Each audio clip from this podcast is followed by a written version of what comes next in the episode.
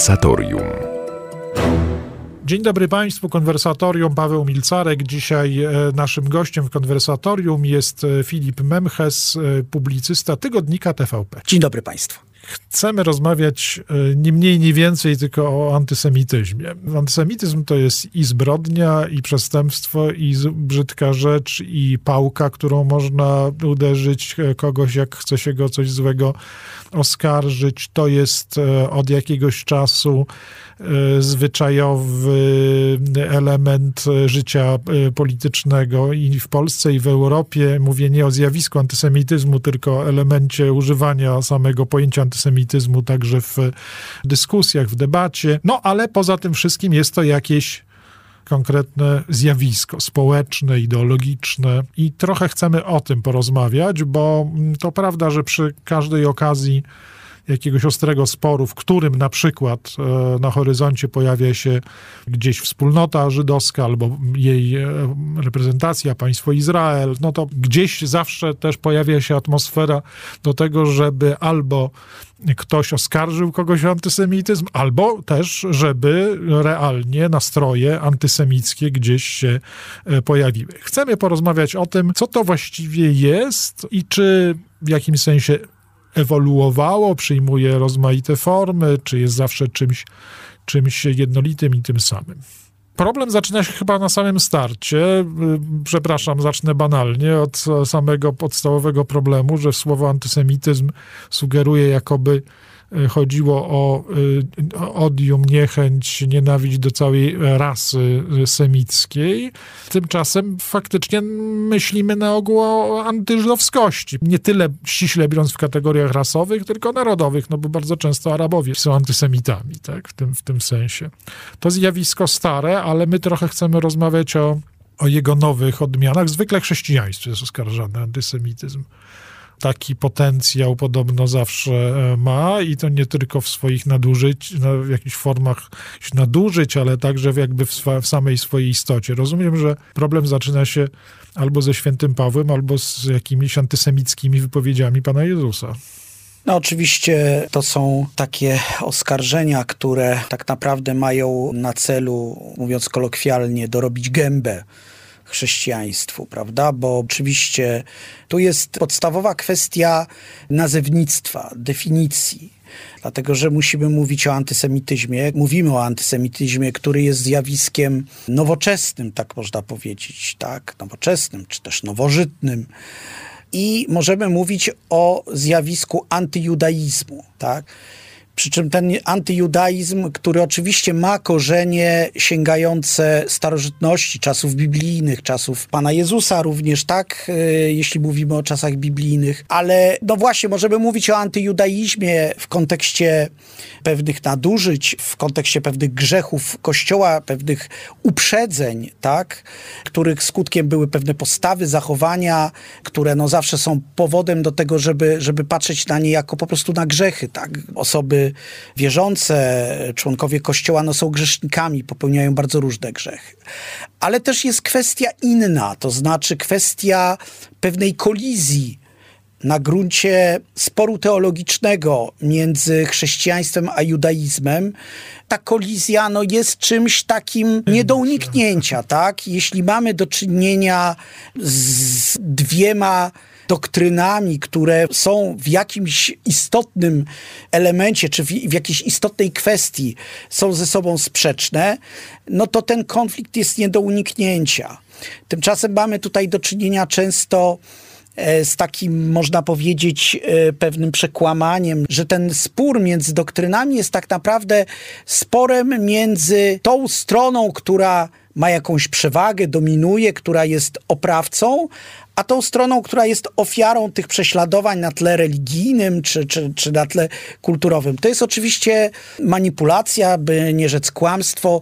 W dużym stopniu chyba taki sposób myślenia, czy taki, taki sposób referowania tego starcia, tej kolizji, tego sporu, chyba sięga czasów oświecenia, tak mi się wydaje, prawda, kiedy pojawiła się właśnie, pojawiły się te dyskusje o tolerancji religijnej. Z tego wynika, że tak naprawdę chodzi o to, żeby nie było między religiami, między różnymi światopoglądami sporów, żeby było współistnienie różnych koncepcji, przy czym to jest bardzo często spojrzenie jednostronne, bo tak naprawdę patrzy się na chrześcijaństwo, że to chrześcijaństwo atakuje judaizm, ale się nie patrzy na to, że no, judaizm też jakby w swoich pewnych punktach swojej doktryny no, ma negatywny stosunek do chrześcijaństwa. I ta kolizja, ona wynika z tego antagonizmu, który jest obopólny, można tak powiedzieć, prawda? Tak, I... bo to jest e, komplikacja rzeczywiście polega na tym, że z jednej strony mamy e, ten w, w, jakiś wspólny rdzeń biblijny, historii biblijnej, Chrześcijanie zawsze czują się jak ta dziczka wszczepiona e, w, w oliwkę i w Izraela, więc jest to ta wspólnota, która zresztą jest widoczna w, jakby no, do, do, pewnego stopnia w kanonie e, biblijnym, wspólne księgi e, święte, a z drugiej strony to, o czym mówiłeś, napięcie trochę polegające już na tym, że w pierwszych wiekach po przyjściu Chrystusa, właściwie już w pierwszym wieku po przyjściu Chrystusa, właściwie dopiero kształt kształtuje się ta wyrazista, byśmy powiedzieli współczesnym językiem, tożsamość obu tych grup, bo e, jeśli mówimy o antyjudaizmie, to odniesienie do judaizmu może być już właściwie odniesieniem pochrystusowym do judaizmu, który już w międzyczasie zdołał,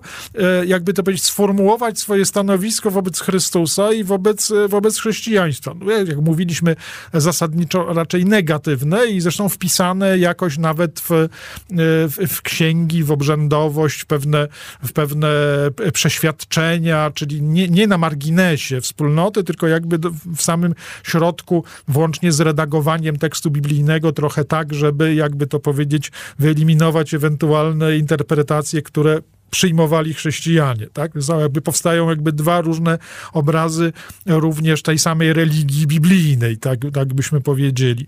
To to jest ten etap, e, e, o którym mówimy w tej części naszej rozmowy, po prostu napięcia między dwiema teologiami, między doktrynami i powiedzmy sobie szczerze, że gdy obie grupy wyszły z tego pierwszego momentu napięcia, rozdarcia. Zawsze to są takie dramatyczne historie, gdy na przykład część Żydów, przecież to ostatecznie Żydzi byli e, właściwie, pierwsze grupy chrześcijańskie były złożone niemal wyłącznie z Żydów, byli traktowani jako odszczepieńcy, jako ci, którzy odeszli. Konflikt był bardzo ostry, zdecydowanie mocny, także społeczny, a potem te kilka wieków dalszych, e, to jest e, taka trochę sytuacja no, odnajdywania nowego, do wzajemnego odniesienia, gdzie się trochę krzyżują takie sytuacje, w których na przykład biskupi, papieże zwłaszcza charakteryzują się wobec Żydów, przejawiają wobec Żydów swoisty, no byśmy powiedzieli, tolerancję, właściwie taką ostrożność w traktowaniu ich e, jakimś nieprzyjemnym czy surowym. Ostrzeżenia tego typu mamy zapisane w różnych listach, dokumentach kościelnych, ale z drugiej strony oczywiście siła tego przeświadczenia, że mamy do czynienia z kimś, kto reprezentuje odrzucenie Chrystusa, że Żydzi są tymi, którzy, ci, którzy nie przeszli do chrześcijaństwa, są symbolem tego, że, że Izrael nie poznał, e, nie, nie poznał czasu swojego nawiedzenia. Tak, no to jest to oskarżenie lud bogobójców, tak? I, i Ciężkie. Y, tak, i, i rzeczywiście to jest, to jest bardzo ciekawe, dlatego że te y, uprzedzenia, one oczywiście były bardzo obecne y, wśród mas, wiernych Kościoła, ale właśnie jeśli chodzi o tą, można powiedzieć, taką teologię tych wyższych warstw z kolei, prawda, no, mówimy o, po, powiedziałeś o papieżach, tak, no, tutaj stanowisko było takie, że jest to lud Bożego wybrania jednak na, na, na, gruncie jakby tego objawienia biblijnego. I jest ta tajemnica tego, że on nie rozpoznał e, Pana Jezusa, Mesjasza w Panu Jezusie. I to, co jest też w listach świętego Pawła, że w perspektywie jest ten czas mesjański, kiedy będzie to nawrócenie, prawda, tego, tego, tego ludu. Ale tu chyba musimy przejść do innej kwestii, bo zaczęliśmy naszą rozmowę od, y, właśnie od tego wątku dotyczącego tego, czy, czym jest antysemityzm.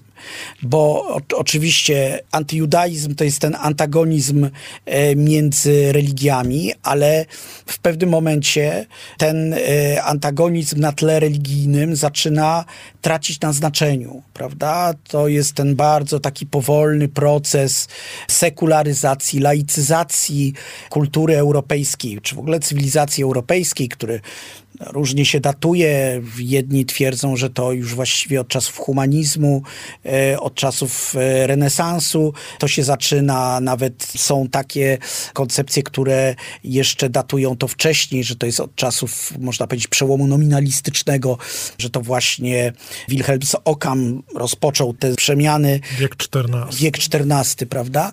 I to jest bardzo istotne, dlatego że tutaj mm, dochodzimy do bardzo ciekawych spostrzeżeń dotyczących podziałów społecznych, dlatego że powinniśmy pamiętać, że w ogóle pojęcie narodu, takie z jakim mamy do czynienia dzisiaj, ono właściwie się narodziło na początku XIX wieku, czy, wy, czy to pojęcie się wykuwało koniec XVIII wieku, początek XIX wieku, to jest okres re Wielkiej Rewolucji Francuskiej, to są narodziny narodu francuskiego w takim znaczeniu, jak my dzisiaj rozumiemy naród, nowoczesnym. nowoczesnym.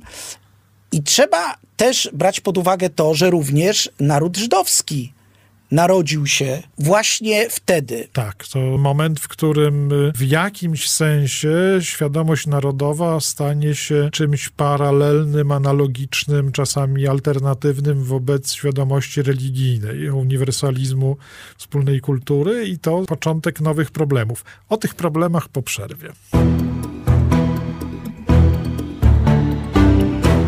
Wracamy do rozmowy o antysemityzmie. Miałem wrażenie, że przed przerwą chyba przerwałem ci jakiś, jakiś wątek twojej e, wypowiedzi. E, no właśnie, bo ja mówiłem o, e, o tym, jak to pojęcie narodu, z którym mamy dzisiaj do czynienia, ono się wykuwało właściwie pod koniec XVIII wieku, na początku XIX wieku. Narody są budowane, rodzą się, tworzą, właściwie cały wiek XIX. Zauważamy to przede wszystkim w przypadku narodów, które nie miały własnej państwowości, tak? które dopiero choćby w XX wieku po raz pierwszy otrzymały swoją państwowość. Ale trzeba pamiętać, że ten proces narodotwórczy, on dotyczy również Żydów. I tutaj jest bardzo taka intrygująca rzecz, mianowicie Żydzi jako pewna grupa społeczna y, funkcjonowali w europejskich społeczeństwach nie tyle jako odrębna grupa etniczna, tylko jako odrębna można powiedzieć nawet warstwa społeczna. Tak jak była szlachta, tak jak y, było mieszczaństwo, tak jak byli chłopi, tak byli też Żydzi jako odrębna, można powiedzieć, warstwa społeczna, która oczywiście spajała kultura, kultura y, z kolei bardzo mocno ściśle związana z religią. Ale to się właśnie zaczęło zmieniać. Pojawiły się takie zjawiska jak e, asymilacja Żydów, czyli właśnie wtapianie się Żydów w, w te narody, wśród których oni żyli. To jest właśnie XVIII wiek, XIX wiek i można powiedzieć, no ten naród żydowski, o którym my dzisiaj myślimy, no to jest naród, który zaczął się konstytuować właśnie w XVIII-XIX wieku i to rzeczywiście, jeśli mówimy o antysemityzmie, antysemityzmie, to w tym sensie antysemityzm jest zjawiskiem względnie młodym, bo właśnie jeśli mówimy o wrogości wobec Żydów jako narodu, no to ta wrogość pojawia się właśnie wraz z tymi procesami modernizacyjnymi, kiedy kiedy Żydzi przestają być jakąś taką funkcjonującą w, w gettach grupą społeczną, warstwą społeczną, tylko zaczynają e, aktywnie uczestniczyć w tych procesach modernizacyjnych, które przechodzą przez Europę, czy przechodzą przez cały świat. I oni, można powiedzieć, no, e, są takimi w jakimś stopniu trendseterami nowoczesności, ponieważ zajmują się handlem, rzemiosłem, później dochodzi do tego, że, że też uczestniczą, ich udziałem jest awans społeczny, kształcą się, prawda, wśród nich rekrutują się prawnicy, ekonomiści. To jest bardzo, można powiedzieć, taka opiniotwórcza grupa, już powiedzielibyśmy etniczna, tak? Niezależnie od tego, czy mówimy o osobach, które funkcjonują jako Żydzi, czy też które są asymilowanymi e, Żydami, czyli już no, nie, nawet nie do końca utożsamiają się ze swoimi przodkami, e, utożsamiają się z narodami, e, wśród których żyją, tak? A jedynie no, mają świadomość tego pochodzenia, e, tych korzeni. Wydaje się, że tak jak w przypadku antyjudaizmu tłem tych napięć no, były kwestie teologiczne i one były, można powiedzieć, no takie nieuchronne. No tak, mamy sprzeczne ze sobą doktryny teologiczne, one są sprzeczne. Jest jakiś konflikt, tak? To w przypadku wrogości wobec Żydów jako narodu, no to tutaj już no, wchodzą w grę inne motywacje. To jest już taka, można powiedzieć, e, wrogość właśnie na tle społecznym. Tu rodzą się oczywiście pewne uprzedzenia, to, to przekonanie o tym, że Żydzi rządzą światem, prawda, e, ponieważ jeśli piastują, jeśli ich udziałem są te zawody takie bardzo wpływowe, prawda, które, które przynoszą prestiż, bogactwo i tak dalej, i tak dalej, to to wszystko sprzyja pewnym teoriom. Ale jednocześnie, mimo że mamy te teorie, ktoś by powiedział spiskowe teorie, prawda? O tym, że Żydzi rządzą światem, które przybierają czasem bardzo no, kuriozalne treści, e, kuriozalne formy. To jednak e, nie można jakby nie podjąć tej refleksji nad tym, no, w, w jaki sposób pewne uwarunkowania kulturowe czy historyczne sprzyjały no, nie tylko angażowaniu się Żydów e, właśnie w taką modernizację, byśmy powiedzieli, taką no właśnie w to pomnażanie bogactwa narodów, właśnie w rozwój kapitalizmu i tak dalej, ale również w różnego rodzaju ruchy radykalne, w ruchy emancypacyjne, w ruchy, które stawiały za cel naprawę świata.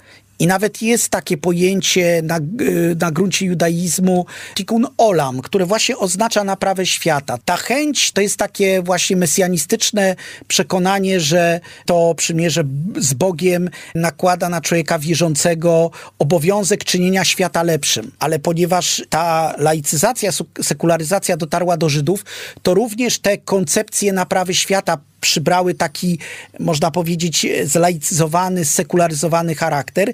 No i te różne takie zjawisko, które no bynajmniej nie wśród, nie, nie tylko wśród antysemitów, zjawisko dostrzegane nie tylko wśród antysemitów, ale zjawisko nadreprezentacji osób, czy narodowości żydowskiej, czy pochodzenia żydowskiego w różnych ruchach radykalnych, no tutaj warto nad tym się zastanawiać.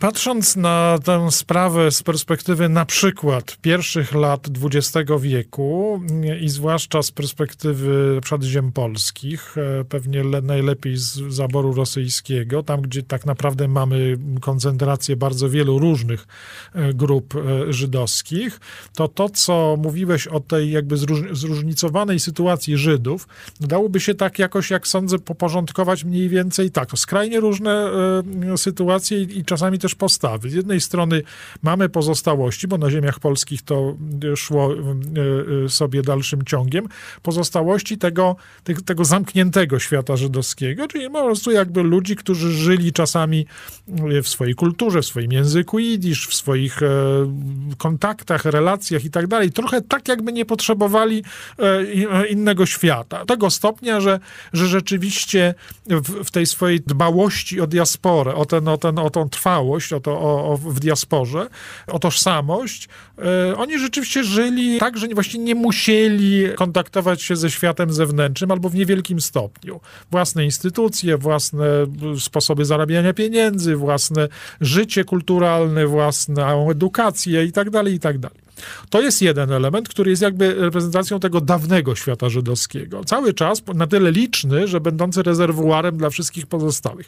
Ale potem mamy drugą, ten produkt e, ruchu asymilacyjnego, Co jest z kolei ciekawym zagadnieniem, to mówiłeś od XVIII wieku, oni, Żydzi otrzymują e, prawa, coraz bardziej e, z nich korzystają, z drugiej strony państwa e, zaczynają też prowadzić swoją politykę kulturalną, aby przyciągać, w jakimś sensie unifikować kulturalnie. Wielu Żydów na to odpowiada z entuzjazmem, wchodzą do krwiobiegu tych społeczeństw w zupełności. W jakimś sensie z całą mocą pragnienia, żeby się wtopić wejść w tę kulturę, w jakimś sensie nawet czasami być bardziej Niemcami niż Niemcy, bardziej Polakami niż Polacy i tak dalej. Zawsze pojawiały się kłopoty, oczywiście jakieś tam na, na ogół religijne, ale wielu, wielu z tych Żydów przezwyciężało je, nazwijmy Postawy patriotyczne. Postawy Można patriotyczne. powiedzieć, że, że, że y, takie silne postawy patriotyczne e, wśród Żydów niemieckich, mhm. którzy po prostu byli patriotami Niemiec, ale także i e, wśród Żydów polskich, wśród inteligencji inteligencji e, polskiej pochodzenia żydowskiego, e, prawda, ten, ten taki, można powiedzieć, pewnego rodzaju taka, e, taki etos nawet niepodległościowy i tutaj w takich kręgach PPS-owskich pewnie można byłoby szukać, prawda? To... Oczywiście.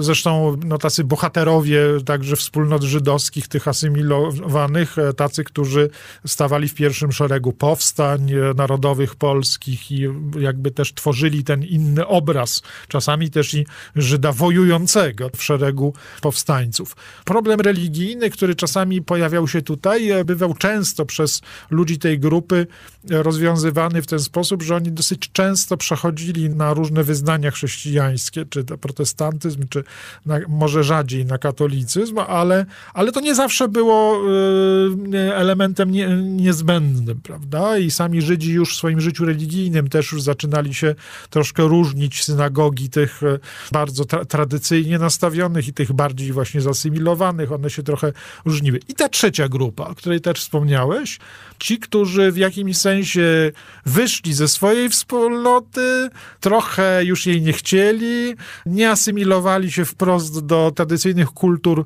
miejscowych, innych, innych narodów i szukali czegoś. I to są ci, którzy stawali się pewnie najmniej liczna reprezentacja, ale, ale bardzo widoczna dla widza zewnętrznego, Ci, którzy stawali się tymi radykałami różnych ruchów, no pewnie, pewnie w jakimś stopniu najprościej im było zostać syjonistami, czyli radykałami swojego własnego ruchu narodowego, z marzeniem, wówczas przecież zupełnie nie, niesamowitym marzeniem, po prostu romantycznym marzeniem o własnym państwie, bo zdajemy sobie sprawę, że, że w przypadku Żydów marzenie o własnym państwie to nie było marzenie o odbudowie niedawno utraconego, czy nawet 100 lat temu utraconego, tylko po prostu państwa, które właściwie w formie nowoczesnej nigdy już nie zaistniało. Trzeba było stworzyć nowoczesne państwo żydowskie. I w końcu wymieniamy te różne grupy, nie tyle już syjoniści, czyli jakby to powiedzieć, jedna z grup nacjonalistów nowoczesnych po prostu, ale e, właśnie też i grupy tych radykałów społecznych, e, stąd zjawisko, które nam na przykład bardzo często w polskiej perspektywie przesłania oczy, prawda? To znaczy istniejące, rzeczywiste, ale równocześnie nie jedyne dla obecności żydowskiej politycznej zjawisko Żydów zaangażowanych w komunizm, Żydów zaangażowanych w radykalny socjalizm, bo to nie zawsze było zaangażowanie w komunizm. Mówiłeś o PPS-ie, przecież to jest e, też w pewnym nurcie wyraźna nadreprezentacja. Ludzi, którzy w jakimś sensie nie chcieli być już Żydami kulturowo i religijnie na pewno nie. Z drugiej strony szli z tym swoim żydowskim, wspominanym przez ciebie przeświadczeniem o konieczności budowania sprawiedliwego świata do różnych ruchów bardzo już e, laickich, bardzo, bardzo, bardzo sekularystycznych. Jak tak sobie tych wszystkich Żydów wymieniamy, różne grupy, to właściwie powstaje pytanie, jak jakiś jeden antysemityzm może je, te różne grupy połączyć? W jaki sposób wykryć łączność między tymi grupami, żeby zbudować jakiś, jakąś jedną wspólną doktrynę antysemicką. Pewnie za chwilę jeszcze będziemy o tym więcej mówili, ale, ale właściwie prawie powiedziałbym, że narzuca się rozwiązanie najbardziej prymitywne. To znaczy to, które ostatecznie e, pojawiło się w, e, e, to znaczy, że tych ludzi prawie nic nie łączy poza mitycznym, mitycznym połączeniem krwi. To znaczy po prostu Żydem jest ten, kto rodzi się z Żyda, jak ustawy norymberskie w pewnym momencie to sformułowały. Czyli zarówno ci, którzy nie chcą już być Żydami w sensie tradycyjnym, jak i ci, którzy bardzo chcą nimi pozostać, jak i ci, którzy szukają jakiegoś oderwania się w ogóle od jakiejkolwiek wspólnoty żydowskiej, jak i ci, którzy są zaangażowani w wywracanie świata do góry nogami, jak i ci, którzy chcą tylko zbudować swoje własne państwo z krawek własnej ziemi za, za, i nic więcej, to wszyscy oni połączeni zostali, jakby to powiedzieć, jedną nicią pewnej mistyki krwi. To wygląda jak jakiś starożytny, pogański zabobon, a przecież powstało jako element ideologii, mówię o antysemityzmie hitlerowskim, ideologii, która się strasznie reklamowała jako nowoczesna i naukowa. Dokładnie. Narodowy socjalizm, prawda? Niemiecki narodowy socjalizm, który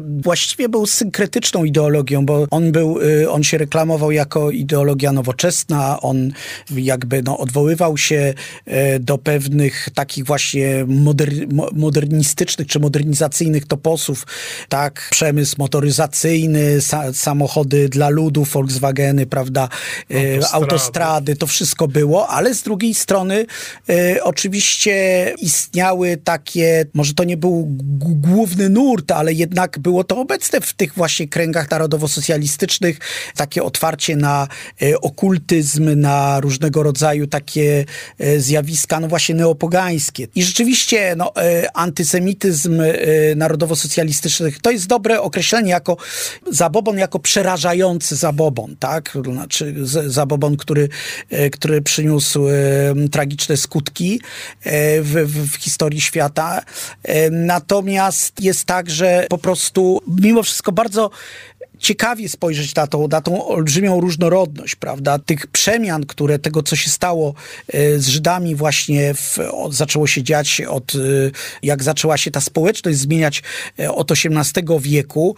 I jeśli mowa o antysemityzmie, to warto teraz zastanowić się nad tym właściwie, jak spór o antysemityzm jest tak naprawdę, czy nie mamy tutaj do czynienia y, z poszukiwaniem y, tematów zastępczych, dlatego że jakby próbuje się szukać wśród Żydów wrogów, po to tylko, żeby uzasadnić jakieś sprawy, które niekoniecznie dotyczą bezpośrednio Żydów, tak? Tak przynajmniej dzisiaj to zaczyna funkcjonować. Spróbujemy się z tym zmierzyć w następnej części naszej rozmowy.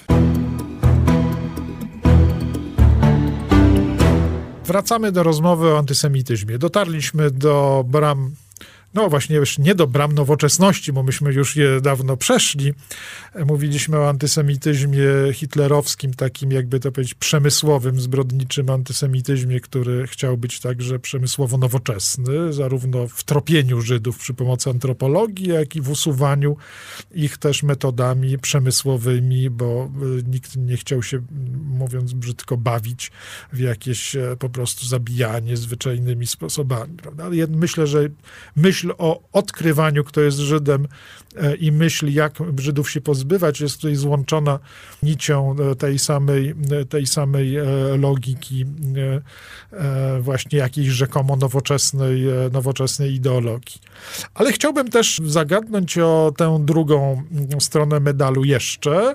Mianowicie każdy, kto czytał lub czyta e, wydaną niedawno biografię Adama Michnika, e, Demiurg, zapewne z zainteresowaniem przechodzi przez pierwsze rozdziały. One opowiadają o tej części życia Michnika, która jakby no, no mniej, mniej o niej wiemy, wie, wiedzieliśmy na ogół raczej oparte właśnie na różnych, a to jakichś kliszach, różnych plotkach, czasami różnych schematach.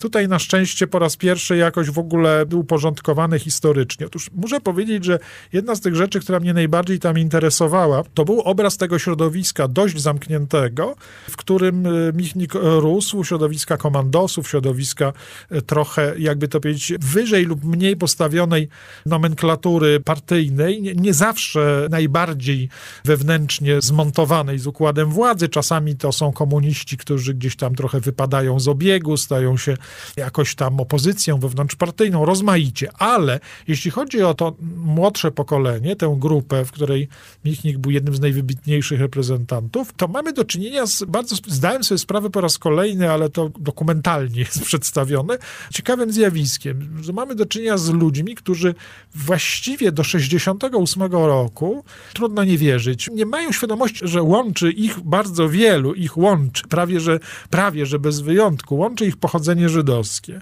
Oni nie mają tej, tej świadomości. Są jakby odcięci przez rodziców e, na ogół, już na etapie rodzicielskim, od tej żywej świadomości jakiegoś pochodzenia, które ma, w ich przypadku ma coś znaczyć, kulturowo, nie wiem, w jakikolwiek sposób ich umieszcza na mapie. To jest element numer jeden. E, element numer dwa, jeśli zapytać by co ich łączy w ich świadomości, no to oczywiście pewna wspólna ideologia, pewne wspólne poszukiwania, czerwone harcerstwo, jakieś, jakiś rodzaj, zresztą swoją drogą jakoś tam interesujący, godzien, za, godzien przyjrzenia się w jakiś sposób, jakiś ideał wychowawczy, jakieś tego rodzaju poszukiwania. I coś, co trwa do dzisiaj, bo właściwie we wspomnieniach tych ludzi ta wspólnota, ten związek, on trwa w, w, w ich ży, w życiu do dzisiaj. Pomyślałem sobie wtedy, że to rzeczywiście jest coś, co nam często umyka, mianowicie, że bardzo często Żydzi lub osoby, właśnie to jest pomyłka. Ludzie z pochodzenia żydowskiego, zaangażowani w komunizm, byli uprzednio ludźmi dość gruntownie wypranymi z y, jakiegokolwiek, jakiejkolwiek żydowskiej tożsamości.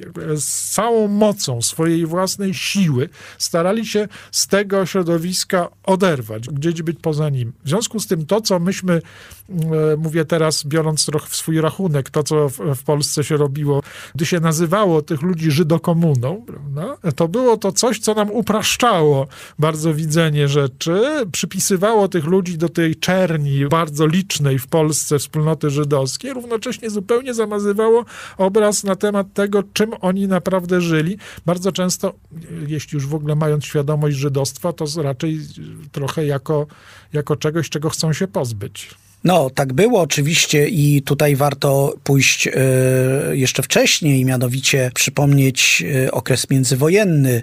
Mamy pewne klisze y, dotyczące tego międzywojennego antysemityzmu, który kojarzony jest przede wszystkim z narodową demokracją, prawda? Kiedy są jakieś dyskusje o międzywojennym polskim antysemityzmie, pojawia się kwestia tego, no, które środowiska serwowały taką żydożerczą retorykę, no to oczywiście tutaj oskarżenie pada pod pod adresem Narodowej Demokracji, Endecji, czasopism endeckich, prawda, tygodnik prosto z mostu, te środowiska. Ale przecież to jest tak, że ta taka żydożercza retoryka, ona się pojawiała również wśród osób pochodzenia żydowskiego. Warto zauważyć tutaj, że y, no właśnie od takiej retoryki nie stronili e, choćby e, publicyści e, związani z wiadomościami literackimi, prawda? Wiadomości literackie czasopismo liberalnej inteligencji. Trzon tego czasopisma no, stanowili ludzie pochodzenia żydowskiego, możemy tu wymienić Kazimierza Wierzyńskiego, Antoniego Słonimskiego, Juliana Tuwima, prawda? To ci ludzie. I w związku z tym to w ich przypadku było właśnie odrzucenie tego balastu pochodzenia, no właśnie, no bo oni nie chcieli być związani z tym, można powiedzieć, to z, z, z, tym, co oni uważali za ciemnogród, tylko żydowski ciemnogród. Te osoby, które w tych hałatach e, handlowały, chodziły do synagogi, ten tradycyjny lud żydowski, no dla nich to był ciemnogród, tak. I w związku z tym oni się od tego odcinali, więc można powiedzieć, można zadać pytanie, czy to był antysemityzm. Oczywiście trudno powiedzieć, czy to był antysemityzm, no ale w jakiś sposób to była taka kontestacja własnej tożsamości czy, czy, czy, czy własnych korzeni. I na to też warto zwrócić uwagę, dlatego że e, oczywiście no, inne motywacje przyświecały e, takim liberalnym intelektualistom, takim zasymilowanym Żydom, liberalnym intelektualistom, a inne motywacje e, przyświecały powiedzmy właśnie e, polskim nacjonalistom, tak? E, niemniej, no, w, tutaj to się zbiegało, znaczy zarzuty, które padały pod adresem e, tych tradycyjnych Żydów, one były podobne. I to na to warto zwrócić uwagę.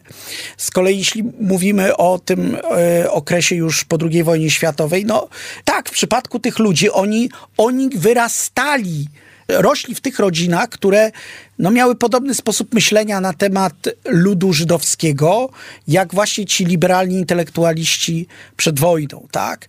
Ale ja bym poszedł jeszcze dalej tutaj i, i, i bym sformułowałby pewną myśl, która może zabrzmi trochę prowokacyjnie, to znaczy ci ludzie poszukiwali awansu społecznego, to znaczy możemy mówić o tym, że asymilacja w ogóle, asymilacja dla Żydów była formą awansu społecznego polegającego na tym, że przestawali należeć do mniejszości etnicznej, religijnej, kulturowej, a wchodzili jakby do głównego nurtu. I można powiedzieć, że polskość była tym, co ich jakby podnosiło do góry, jeśli chodzi o drabinę społeczną. To jest oczywiście y, zastanawiające w kontekście tego, że mówimy tutaj o ludziach, bo nie mówimy tu o Adamie Michniku, mówimy raczej o pokoleniu jego rodziców. Czyli to byli ludzie, którzy komunizowali Polskę po II wojnie światowej, w okresie międzywojennym byli formalnie lub nieformalnie, można powiedzieć, agenturą sowiecką. Tak? Niezależnie od tego, czy funkcjonowali, czy, czy funkcjonowali w tych strukturach wywiadowczych e, sowieckich, czy nie funkcjonowali, ale przez sam fakt działalności w ruchu komunistycznym, no jakby działali na rzecz, na rzecz e, Związku Sowieckiego. Ci ludzie, no można powiedzieć, prowadzili działalność taką, no depolonizacyjną, prawda? Komunizm był projektem, który miał drugą Rzeczpospolitą zdepolonizować w sensie kulturowym też, tak? To, to, to była taka radykalna ideologia. Wydawałoby się, że po II wojnie światowej nic się pod tym względem nie zmieniło.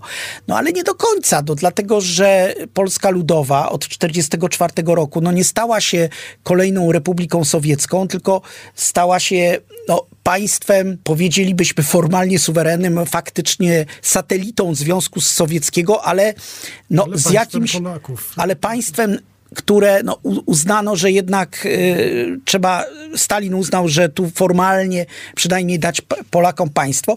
I to jednak y, nawet w tych ciemnych, strasznych czasach stalinowskich to państwo na, nazywało się do roku 1952 Rzeczpospolita Polska, później Polska Rzeczpospolita Ludowa, więc dla tych, dla tych osób pochodzenia żydowskiego ta polskość no, była pewnym, e, można powiedzieć, nie narzędziem awansu społecznego, no, czy czymś, do, co, co ich awansowało, prawda? I, I na to też warto zwrócić uwagę. To jest oczywiście ciągle dyskutowany problem e, żydowski w naszych polskich e, e, realiach przedwojennych i, i powojennych. Te powojenne są naznaczone realną nieobecnością mas żydowskich na ziemiach polskich. One zostały przez hitlerowców w, w, wyniszczone w Holokauście. I od tego czasu właściwie mamy do czynienia w Polsce z jakimś takim e, paradoksem żydowskiej obecności elitarnej właściwie, albo obecności w, e, jakoś przez obywateli polskich rozpoznawane jako nadreprezentacja Żydów, na przykład w aparacie bezpieczeństwa do 56 roku. To jest niezależne od e, różnych danych procentowych i liczbowych, bo oczywiście można wyliczyć, że ta obecność nie musiała być wszędzie e, tak samo wysoka, ale była na tyle wyraźna i na tyle, jakby to powiedzieć, również jeśli bierze się pod uwagę świadectwa e, więźniów stalinowskich, to jakby również oni odczuwali e, ten rodzaj rewanżu, który, który na nich sobie brali ludzie takim pochodzeniem, takim sposobem bycia naznaczeni. Sami mówili, będziemy was tutaj depolonizowali, poczujecie, co to znaczy być Polakiem i tak dalej. Więc tego rodzaju trudne historie się po 56 roku, e, już później, przetwarzały w najróżniejsze logiki podejrzeń, e, ostrożności. Wszędzie, gdzie pojawiała się e, grupa osób z pochodzeniem żydowskim, łatwo było też nawiązać do różnych wojennych, przedwojennych doświadczeń czasów sowieckich i tak dalej, i tak dalej. Więc to wszystko są te nasze bardzo pokomplikowane losy. Ale na końcu naszej rozmowy dotknijmy jeszcze przynajmniej tego zupełnie dla nas egzotycznego, mało e, rozpoznawanego zagadnienia, jakby to powiedzieć, zachowań i i napięć wewnątrz wspólnoty żydowskiej, którą jakbyśmy patrzyli, nie wiedzieli, że mamy do czynienia ze sporem i wewnątrz żydowskimi, to byśmy też powiedzieli, że właściwie mamy do czynienia z zachowaniami antysemickimi, bo jedna grupa drugą grupę odsądza od uczciwości wszelakiej, czasami od sprawiedliwości, dobra wszystkiego, wszelkiej prawdy, oskarżając właśnie o najgorsze żydowskie e, e, skłonności, prawda? Taki rodzaj przerzucania się złościami wewnątrz wspólnoty, która po prostu, jak to inne wspólnoty też przeżywają, niekiedy dzieli się do, dogłębnie na tle dyskusji o własnych losach, o to, co, jak ma się budować, jak ma się rozwijać. Prawda? Dla nas, jak mówię, to są często rzeczy zupełnie e, nieznane, egzotyczne, ale problem już istniejącego przed wojną napięcia, czy rzeczywiście trzeba budować własne państwo i w związku z tym przygotowywać się do właściwie do jakiejś trudnej mobilizacji, wyjazdu z dotychczasowego miejsca, budowania jakiegoś zupełnie kraju od podstaw. To nie był projekt, który przychodził we wspólnocie żydowskiej, przychodziło dyskutować łagodnie i delikatnie. To dzieliło. To dzieliło na bycie nacjonalistą żydowskim z Bejtaru i Żydem, który chciał budować nowy ład e, z KPP. I jeszcze gdzieś obok Żydem, który mówi dajcie nam z tym wszystkim spokój, bo my mamy swój sztetl i, i, e, i budujemy swoje życie i dalej chcemy mieć pokój ze wszystkimi, nie chcemy wchodzić w żadne wielkie, e, wielkie spory historyczne. To w jakimś sensie trwa do dzisiaj, chociaż państwo Izrael już z rzeczywistością od dziesiątków lat, ale w dalszym ciągu są Żydzi, którzy w świecie sarkają, że Izrael tylko im e, kłopoty na głowę sprowadza. To jest bardzo ciekawa sprawa, bo mamy na przykład takie nieporozumienia dotyczące polityki amerykańskiej. Istnieje takie przekonanie, że taki stereotyp, że Żydzi trzęsą Ameryką i w związku z tym polityka amerykańska jest e, na Bliskim Wschodzie no, w dużym stopniu jest uwarunkowana tym, że Żydzi odgrywają istotną rolę w polityce amerykańskiej. Tymczasem to nie tyle chodzi o rolę Żydów w polityce amerykańskiej, tylko protestantów, tych grup takich radykalnych protestantów, którzy po prostu, no, y, powiedzielibyśmy, są filosemitami, którzy uważają, mają takie spojrzenie, dla nich właśnie Izrael y, to jest y, takie święte miejsce i, i, i popierają państwo Izrael. Natomiast Y, no, możemy mówić na przykład o grupach y, takich bardzo tradycyjnych Żydów, takich grupach hasyckich. Nie wszyscy, nie dotyczy to wszystkich hasytów. Y, grupy hasyckie, które uważają, że w ogóle państwo Izrael nie powinno istnieć, prawda? Jest bezbożne. E, że, że to tak, że to jest bezbożne świeckie państwo, prawda? I że w ogóle e, Żydzi będą mieli własne państwo dopiero jak przyjdzie Mesjasz, tak? To jest to, jest to, to przekonanie. Są też lewicowi Żydzi, bardzo tacy radykalni, którzy to można tu wymienić, e, Normana Finkelsteina albo e, Noama Chomskiego, prawda? W pewnym sensie no, takim człowiekiem był też e, Zygmunt Bauman, Żydzi, którzy no właśnie też uważają siebie za Żydów, tego nie, nie próbują jakby zaprzeczyć temu, że czy są Żydami, czy mają pochodzenie żydowskie, ale którzy bardzo krytycznie odnoszą się, odnosili się do, e, do państwa Izrael. E, no, Zygmunt Bauman nawet porównywał Izrael do III Rzeszy, tak? I to, to, to takie bardzo radykalne już tak, porównanie. E, porównanie wypowiedzi. Więc tutaj rzeczywiście no, możemy tutaj też z takim zjawiskiem mieć do czynienia. No cóż, rozwinęliśmy w naszej rozmowie rozmaite wątki, ale także i całą e, galerię e, rozmaitych e, historycznych w nowoczesności już typów żydowskich. Trochę cały czas z tą myślą, że trudno byłoby to objąć jednym słowem, jakąś jedną niechęcią, jakimś, jakąś jedną doktryną odrzucenia.